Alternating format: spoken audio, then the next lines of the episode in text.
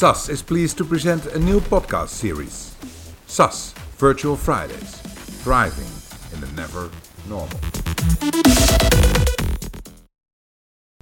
Welcome to the first edition of our series Thriving in the Never Normal. Uh, today I am with um, Evie van der Heijden in Belgium. Uh, our first podcast is titled The Never Normal. Evie, what do you have for us today? Well, uh, welcome in Belgium, Steph, first of all. Um, we are listening today to two speakers, uh, both from nexxworks, Peter Hinssen and Pascal Coppens. Uh, Peter will uh, introduce the first um, podcast and he explains why we are entering the never normal. Um, you could say that this is a time where nothing but uncertainty is certain. And he, um, he explains this um, actually he explains what what uh, organizations should uh, adapt according to be able to thrive in the never normal. And the acronym that he uses is vaccine. Uh, pun not intended i should say in these times. Uh, yeah. but vaccine stands for velocity the a of agility the c of creativity the i of innovation the n of networks and the e of experimentation. Okay and then uh, the second speaker is uh, Pascal Coppens. He explains what we can learn from China. And uh, China has been two months ahead of us, but it also seems at ease with responding to uncertainty. Uh, and and you can say a lot about China, but they are fast and they are agile in responding to these, these kind of situations. And the good thing is also that he he has uh, he's really a China expert. He has uh, quite a number of inspiring and practical examples that he will present. Uh, but uh, Peter will start off by uh, telling you a little bit more, so uh, enjoy. Okay, let's listen. So, let me run you through the never normal. I wrote a book 10 years ago called Digital is the New Normal. And this is the disruption that we saw in the last decade, where digital all of a sudden was something that was special and it became normal and it disrupted every single aspect of our daily lives. We're now going through a completely different type of disruption a biological disruption that actually is turning into the big 2020 digital stress test. Every single one of you in their personal and professional lives is now testing the limits. What will happen if digital is our only option? And we're all hoping this is going to go away soon, but we're probably never going back to the normal as we have it maybe we're going back to a new type of normal. But one thing is clear disruption is probably not the exception, but will become the norm. I'm convinced that we have to prepare ourselves for a number of seismic shocks. And these shocks could be technological in nature. I mean, we've had digital in the last 10 years, but honestly, we're going to see everything from VR to artificial intelligence to robotics that is going to be a continuation of these technological seismic shocks. Some of these shocks might be ecological in nature. Think about what happens if the sea levels would rise by one meter. We're now in the middle of a biological seismic shock of epic proportions. But even if this goes away, think about the geopolitical tensions, say, between China and the US. This could create enormous geopolitical seismic shocks as well. One thing for me is clear these seismic shocks are not going to die down, but they might even intensify in nature and they will trigger things. They will trigger a number of shifts, systemic shifts in, for example, consumer behavior. This is what happened with digital. I mean, consumers are now using completely different tools and techniques, and their behavior online is different than a physical consumer. But it's not just consumers, it is business models that are starting to erode and evolve very quickly as a result of this. We see that, for example, capacity resources need to shift more rapidly than ever before. Think about the reallocation of people and means in COVID 19. And of course, financial performance has huge shifts as well. I feel sorry for everybody who actually painstakingly built the 2020 budget last year in October or November, and they can just be thrown into the bin. So, a number of seismic shocks that are going to occur more and more that are going to trigger a number of systemic shifts, and we have to deal with that. Disruption is basically the backdrop, and it creates an environment of constant change, which I call the never normal. Things are happening faster. And in the last couple of years, we started to use the term VUCA to describe this. an era of volatility, uncertainty, complexity, and ambiguity. This was the backdrop of how to deal with some of these changes. And this is something that is playing out right now. And one thing as a result of this VUCA environment is that nobody stays in their lane anymore. Let me take you back to the latest Consumer Electronics Show in Las Vegas in January of this year. All of a sudden, we saw Sony introducing a new car. This is an electronics company that is building a completely new vision of a car in the future. And at the same time, we saw Toyota, a car manufacturer, building a vision of a city where cars are no longer actually a feature of the new concept they have. Nobody stays in their lane. This constant change means that we need a better lens. And I coined this lens the day after tomorrow. How much time do we spend on today, tomorrow, and the day after tomorrow? And today is very important. This is current value. Tomorrow is next year's budget. But what we now see is that the day after tomorrow in a VUCA world becomes even more important because the day after tomorrow gets closer and closer and closer. We have to prepare for the day after tomorrow and at the same time deal with the legacy of the shit of yesterday. A world that is speeding up, disruption is the background. How do we prepare for that? Nassim Taleb wrote a very interesting book called Anti Fragility after the financial crisis of 2008, we saw that some of the banks, some of the institutions actually broke under stress. We call them fragile. And as a result, some of these banks tried to mend themselves by becoming more and more robust. They built all sorts of mechanisms in compliance and governance, but their robustness also translated into the fact that they became less agile.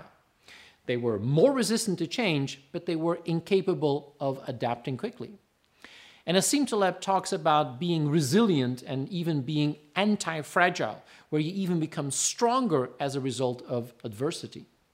One thing is clear if you want to survive in these VUCA times, innovation is no longer a luxury, it's an absolute must. But it's more than that. What we need to do is we need to figure out how to build change and openness to change into every aspect of our business. And especially for traditional companies, who are dealt with VUCA, we have to figure out what is the solution, what is the answer. So I came up with a concept which I call vaccine. In COVID 19, of course, you can understand why that would be relevant, but vaccine might be an antidote to VUCA. It talks about velocity. Speed is no longer a luxury. It's a must. And I love this quote by Mario Andretti. If everything seems under control, you're probably not going fast enough. Companies have to speed up to survive in the never normal. But it's more than speed. Agility might be one of the key factors. And let me use the analogy of the whitewater kayaker. This is an extreme sport that is absolutely wonderful to observe and take part in, but you have to learn how to use the power of the river. You have to sense and constantly be agile and respond. You might be submerged for a period of time, but what you're capable of is using the power of the river to actually become stronger. Speed and agility. And then we have to unlock the creativity in organizations. We have to learn our people that we probably have to solve different problems. Many of our companies are filled with people who are very good at simple tasks, where there's a direct correlation between cause and effect. And in the last couple of years, we've focused more on the complicated problems, where you need expertise to figure out the cause and relation. That is the old normal, but in the new normal, we're going to be thrown complex situations and even chaotic. And out of the disorder, we have to figure out how to attack that. Everything that is simple and complicated is like puzzle solving, but we have to unlock the potential of creativity in organizations to tackle the complex and the chaotic, and they're more like solving mysteries. We have to innovate. This is no longer a luxury, and we have to fire on all cylinders. It's product innovation, but also market innovation and service and model innovation. We also have to learn how to leverage the power of the network. We're now seeing that in many situations, the outside world starts to behave like a network. And I learned a lot from General Stanley McChrystal, who was fighting in Afghanistan, fighting an enemy that was more like a network than a structure. And he said it takes a network to fight a network. If the outside world becomes a network, then this ecosystem thinking, where we have to involve startups and scale ups and also embrace the outside, we have to start functioning like a network to combine the new, zero to one, with the scale. And finally, the E is for experimentation. The concept that I think is very relevant is psychological safety, the cultural mindset to embrace experimentation and even do something if you have no absolute guarantee of success. It's learning how to fail. This is the dumbest slide in the world. It doesn't work like that. Everybody knows that if you come from the startup world, you try and you fail, and if you repeat it often enough, then you can achieve success. This is probably my favorite quote I never fail, I either win or I learn. If companies take the VUCA background as the new normal and apply the vaccine, I think they can start to conquer the moment that the disruption comes to their market. In the last couple of years, we've talked a lot about the unicorns, the new companies that grow very quickly, chasing the new, new thing. But we're now seeing, after a decade of unicorns, the unicorns might be going through a rough ride. The unicorns might be in trouble. After a decade of unicorns, I think we now have to prepare for a decade of phoenixes. Phoenixes are companies, organizations, institutions that actually grow better once they have seen the difficulties. Phoenixes can rise from the ashes of a crisis. And let me take you an example in the world of retail. Retail is being transformed in front of our very eyes. We all know who the unicorn is. I mean, Amazon has single handedly transformed the world of retail. But I was mesmerized by the traditional player, like Walmart. Walmart is the biggest traditional retailer on the planet, and they are experimenting at scale with innovation.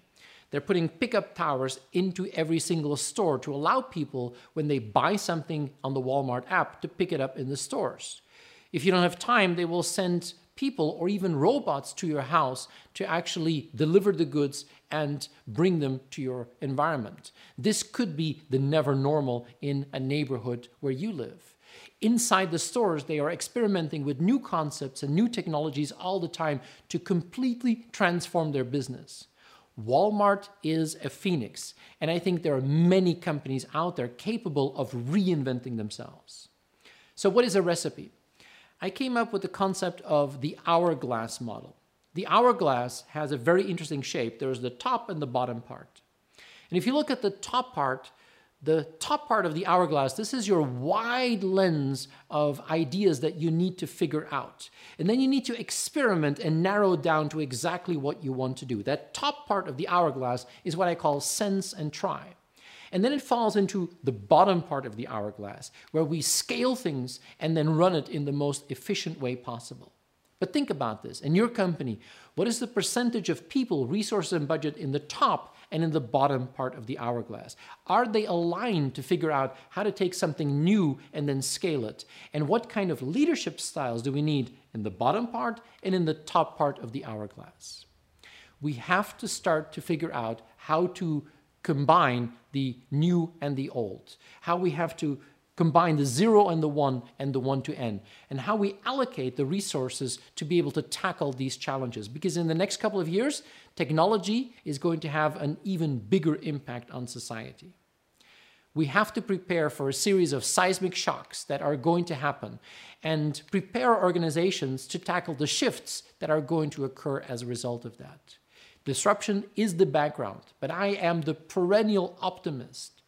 If I look at the next decade or decades, and when the last one was about digital disruption, if we take disruption to the level of, say, I don't know, healthcare or food or energy or agriculture, it has amazing potential. One thing is clear if we keep applying the old ideas, the old thinking, we're going to come up with the same old results. We have to completely change gear if we want to prepare ourselves for the day after tomorrow in the never normal.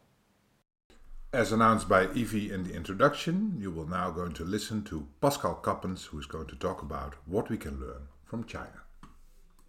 Now, the most important is that they use these technologies into the society. It's about application of these technologies in society. If we take artificial intelligence, for example, what we see is that AI and the algorithms built in China actually saved thousands of people their lives during the coronavirus outbreak.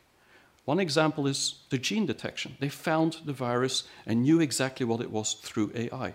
But also the R&D to find a vaccine. They do diagnosis everywhere in the hospitals.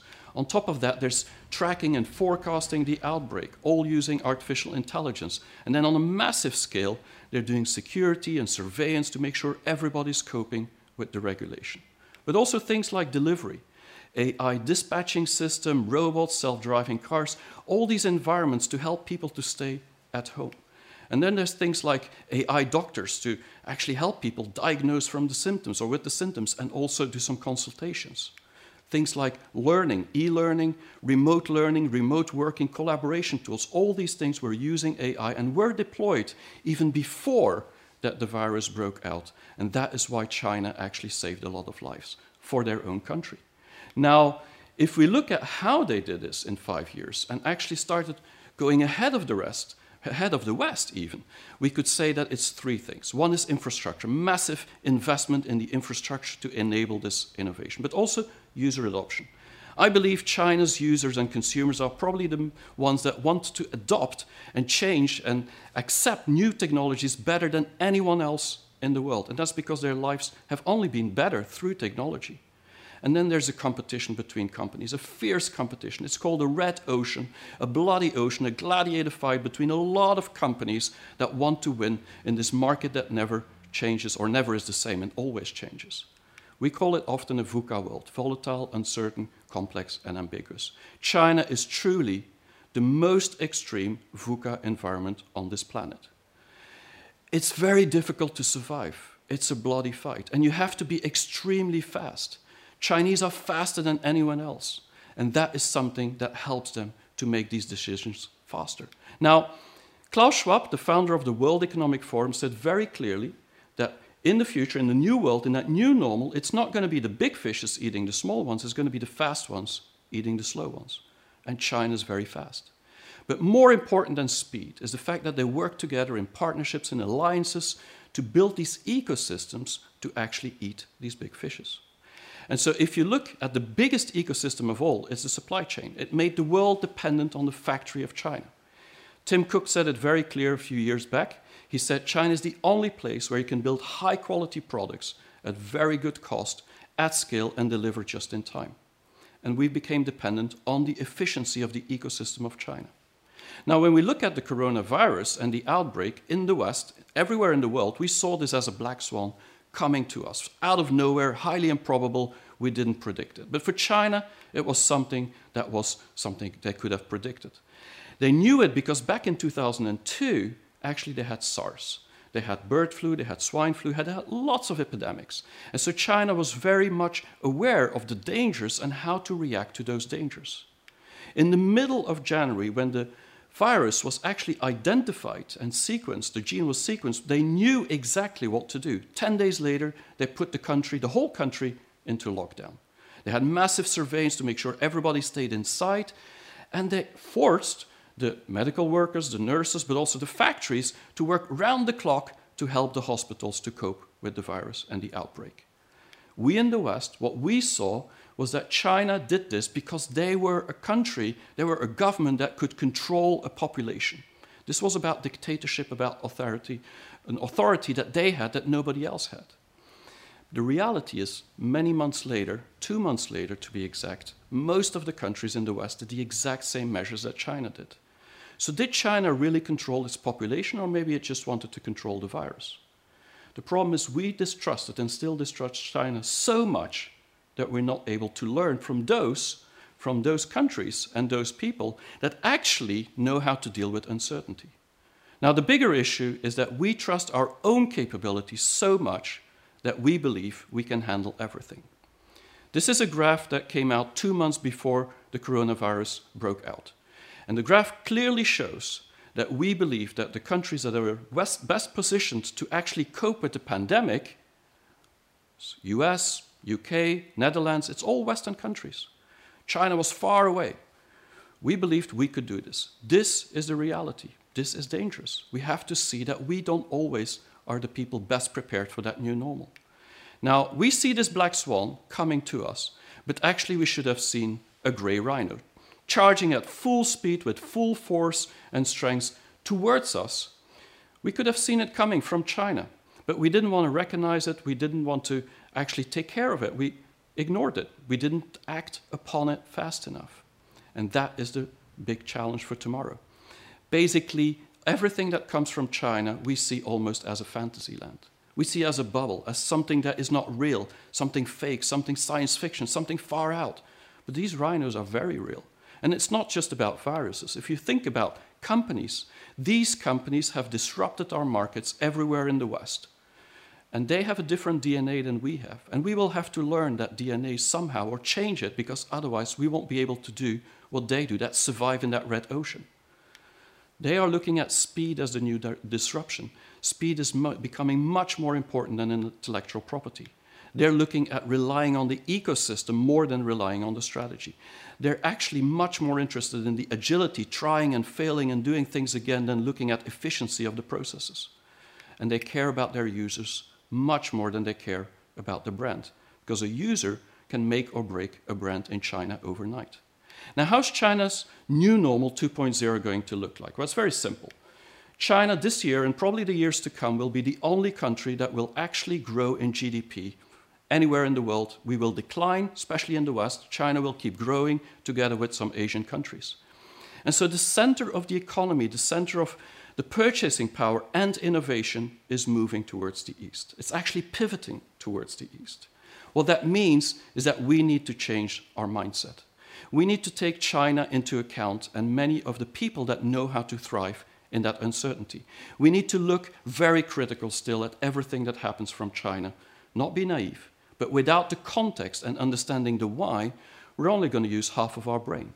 We need to look at China and many of the crazy people like Elon Musk as basically people we should learn to trust and as equals. Because unless we trust them, we're not going to learn from them. We need to see China and many of the countries in Asia and the rest of the world as very, very sophisticated, sophisticated customers and companies. Because these customers will actually define the future. They will be the most demanding in the world, and we have to adapt to that. Most important, we have to stay relevant. And that we have to do by not selling to customers, but selling for customers. It's about empathy, it's about compassion, it's about understanding the why and localizing everywhere in the world. And only if we change that mindset, and the companies that will do that, they will become the winners in the day after tomorrow that never will be the same again. We hope you enjoyed this first edition on Thriving in the Never Normal. Stay tuned for next editions. Don't forget to share on social media.